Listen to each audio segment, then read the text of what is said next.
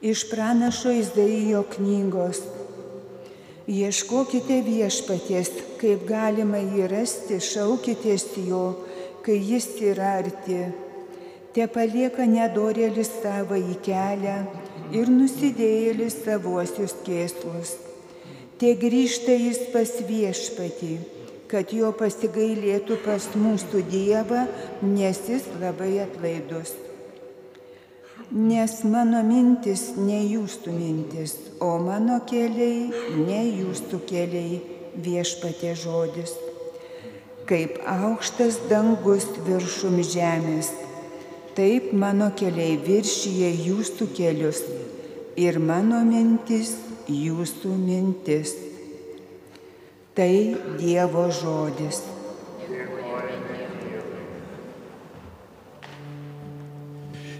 Viešpats artimas kiekvienam, kas jo šaukias. Viešpats artimas kiekvienam, kas jo šaukias. Garbinsiu tave kasdieną, šlovinsiu tavo vardą per amžių Didis yra viešpats, didžios šlovės jis vertas, nesuvokiama jo didybė.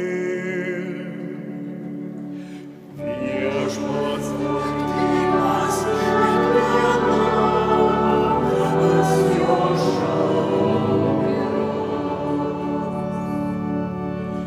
Viešpats atlaidus ir gailestingas, rūstaut negreitas ir pilnas gerumo.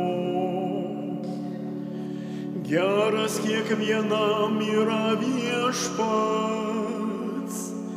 visiems savo kūriniams gailestingas.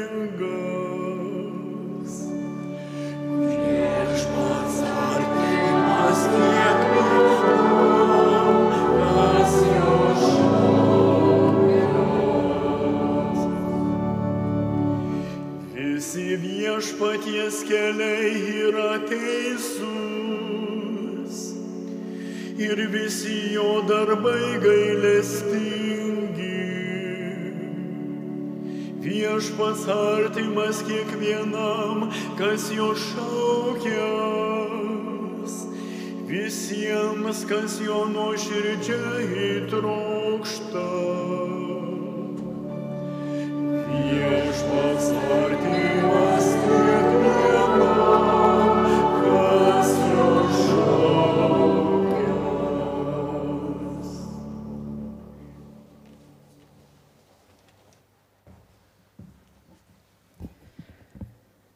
Skaitinys iš Šventojo Paštalo Pauliaus laiško filipiečiams.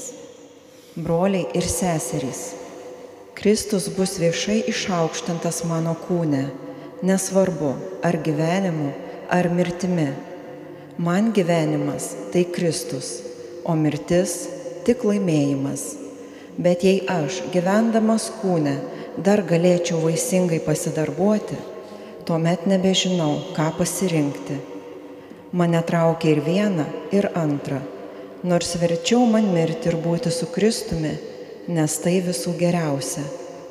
O mano pasilikimas kūne reikalingesnis jums. Tik tai elkitės, kaip dera besilaikantiems Kristaus Evangelijos. Tai Dievo žodis. Alleluja,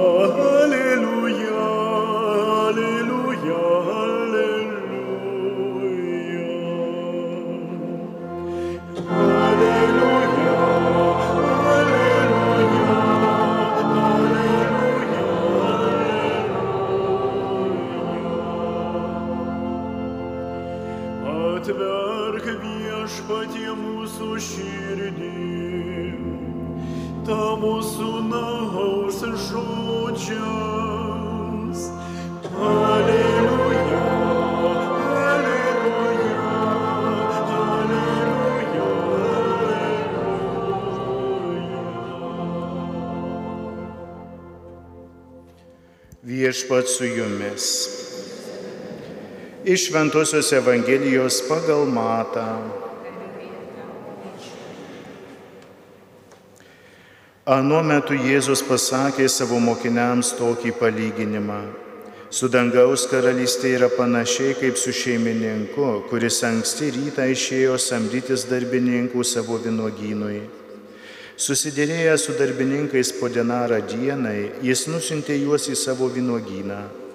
Išėjęs apie trečią valandą, jis pamatė kitus stovinčius aikštėje be darbo.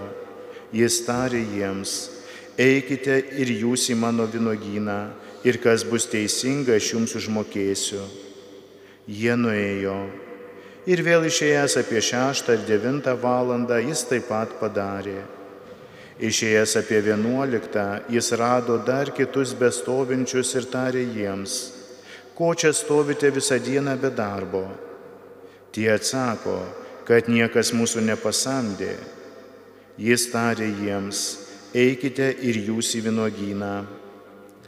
Atėjus vakarui vynogino šeimininkas liepia ukvedžiui, pašauk darbininkus ir išmokėk jiems atlyginimą, pradėdamas nuo paskutinių ir baigdamas pirmaisiais. Atėję pasamdytieji apie 11 valandą gavo po denarą. Prisertinę pirmieji mane daugiau gausia, bet irgi gavo po denarą. Imdami jie murmėjo prieš šeimininką ir sakė, šitie paskutiniai te dirbo vieną valandą, o tu sulyginai juos su mumis, nešusiais dienos ir kaitros naštą.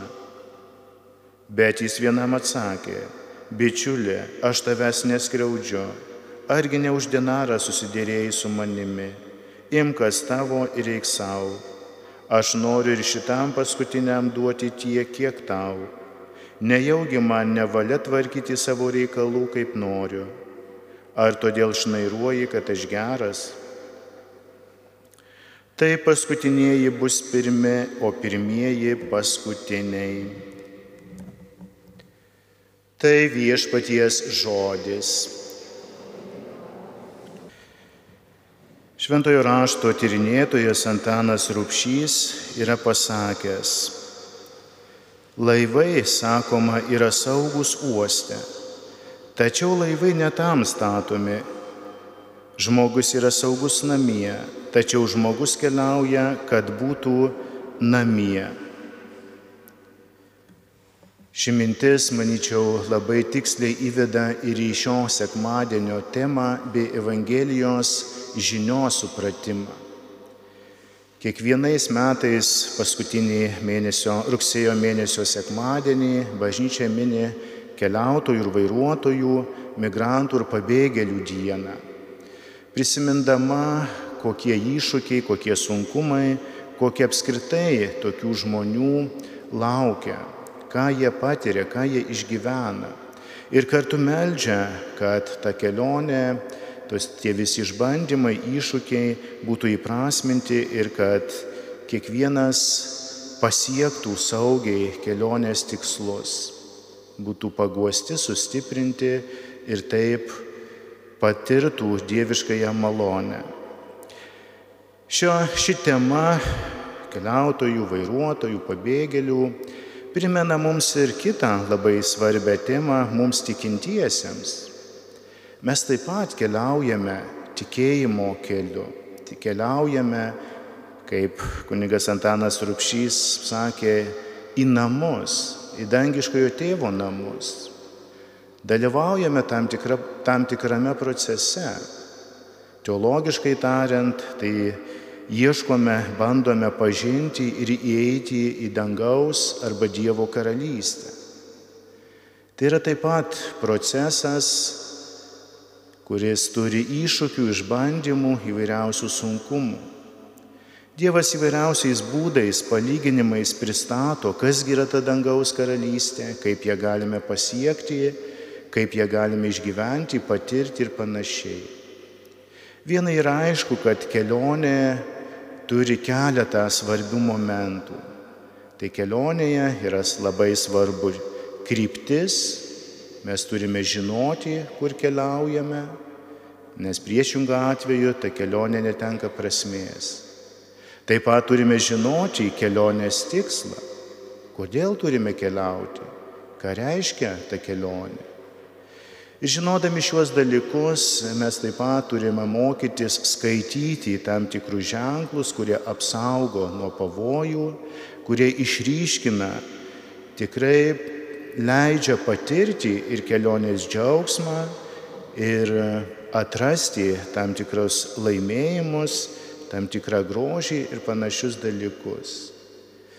Šiandien, kaip girdėjome Evangelijos ištraukoje, dar vieną palyginimą, tikrai nekartą girdėtą, kur Jėzus pasakė miniai apie pašaukimą darbuotis vinogynę.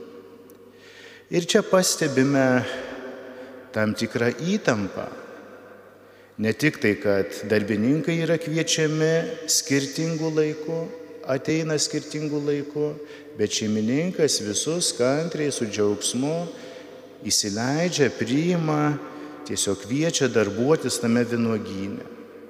Taip pat yra žadamas atlygis, kuris, kurį šeimininkas atiduoda pasibaigus darbo dienai. Bet įtampa kyla tada, kada šeimininkas įsako ukvedžiui išmokėti atlygį, pradedant nuo paskutiniųjų, kurie buvo pašaukti, kurie te dirbo labai mažai, mažą laiko tarpą, vos valandą, ir baigiant tais pirmaisiais, kurie nešė visos dienos pareigų darbo, kaitros naštą. Ir čia įtampa dėl to, kad visi gavo po lygiai. Kai buvo pažadėta, tai buvo ir sumokėta. Ši įtampa kylanti atsispindi ir mūsų kasdieninėme gyvenime, kiekvieno iš mūsų, kurie dalyvaujame tikėjimo kelionėje. Taip pat galime nesunkiai pastebėti, kad žmonės atsiliepia arba yra pašaukiami labai skirtingų laikų.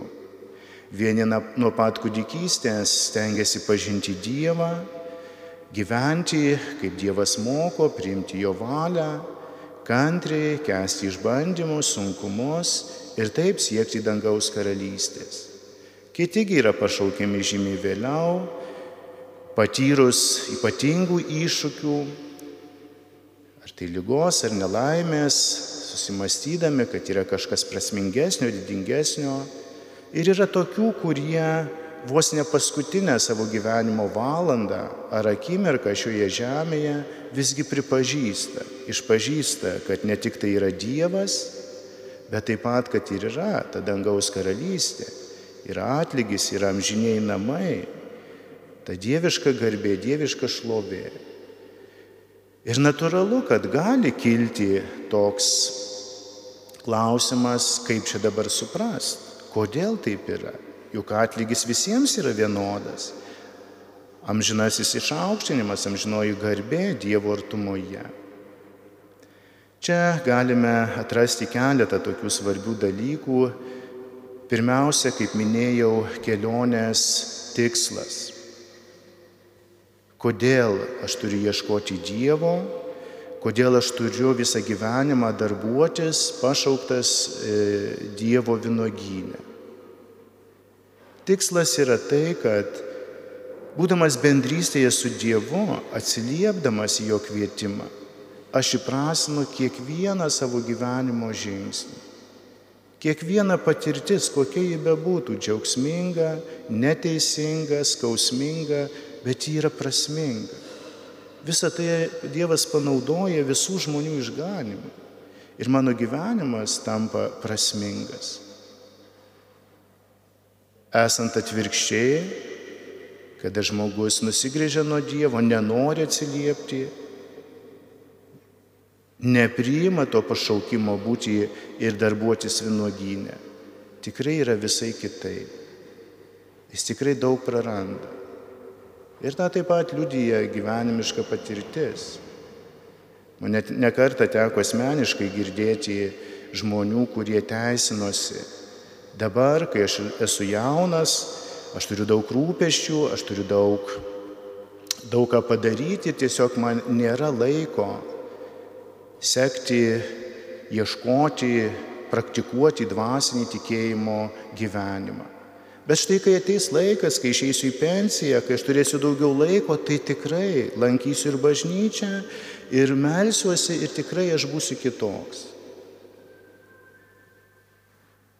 Ir kaip jūs manot, atėjus tam laikui atsiranda kiti rūpeščiai, atsiranda kitos bėdos ir tam dvasiniam gyvenimui Dievui laiko taip ir nebelieka. Ir paklaustas ar esi laimingas, ar esi patenkintas savo gyvenimu, dažnai yra atsakoma, kad tikrai daug ką daryčiau kitaip, jeigu turėčiau naują galimybę. Tai yra tikri žmonių liūdėjimai, kurie išdrįsta atsiverti, kurie išdrįsta paliūdyti savo patirtį. Bet šiame palyginime Dievas suteikia labai daug tokios vilties ir paguodos. Čia atsiskleidžia ne tik tai tikėjimo kelionėje iškylantis iššūkiai, žmogaus keisti, kartais klaidingi sprendimai, įvairiausios klaidos, bet kur kas labiau atsiskleidžia šeimininko, tai yra Dievo dosnumas. Jis tikrai atlygina ne pagal tai, ką žmogus nuveikė. Jis atlygina visiems iš savo gerumo, neskriausdamas, įvykdydamas teisingumą bet kartu ir pranokdama savo gerumu. Ir čia mums yra didžiulė viltis ir paguoda. Kada beatsilieptume, kada subrandintume savo troškimą, savo supratimą įeiti ir darbuotis vienuoginę, bet atlygis bus visiems vienodas. Ir ne todėl, kad yra neteisinga, ne todėl, kad esame neverti ar verti, bet todėl, kad Dievas yra begaliniai geras, begaliniai dosnus. Jis nematuoja, neskaičiuoja, bet atiduoda viską, visą pilnatvę, savo artumą, savo garbę, savo didingumą. Tai šiandien tiesiog turime džiaugtis ir dėkoti, kad mes esame čia, kad mes dalyvaujame toje kelionėje, trokšdami laikytis, skaityti Dievo paliktus ženklus, jo įsakymus, jo patarimus, pakviesti esame laikytis ir brandinti darybės ir taip ne tik tai saugiai keliauti, bet tikrai pasiekti galutinį tikslą. Tai yra nuostabi žinia. Žinoma ir su tam tikru perspėjimu, kad kelionėje kartais atsiranda ir nuovargis, ir tam tikri kiti išbandymai, ir kartais norisi tą kelionę nutraukti, sustoti arba ieškoti kitų kelių, kitų krypčių. Ir čia Jėzus išsauko tokiu labai paprastu, paprastą žinę. Pirmieji gali būti paskutiniai ir paskutiniai gali būti pirmieji. Tai taip pat turime atkreipti, įsidėmėti šį perspėjimą, šį paraginimą, kad liktume e, toje kelionėje ir kad tikrai saugiai siektumėm žinųjų dalykų. Ant vieno paminklo yra užrašyti tokie žodžiai. Žmogus rengia savo gyvenimo kelią, o Dievo valia veda jo žingsnius. Taigi melskime malonės visiems, kad ir mes į tą savo gyvenimo kelią įdėtume savo pastangas, savo troškimus, bet visada leistumės vedini Dievo valios nes tai yra geriausia, nes tik tai taip galime pasiekti amžinąją garbę. Amen.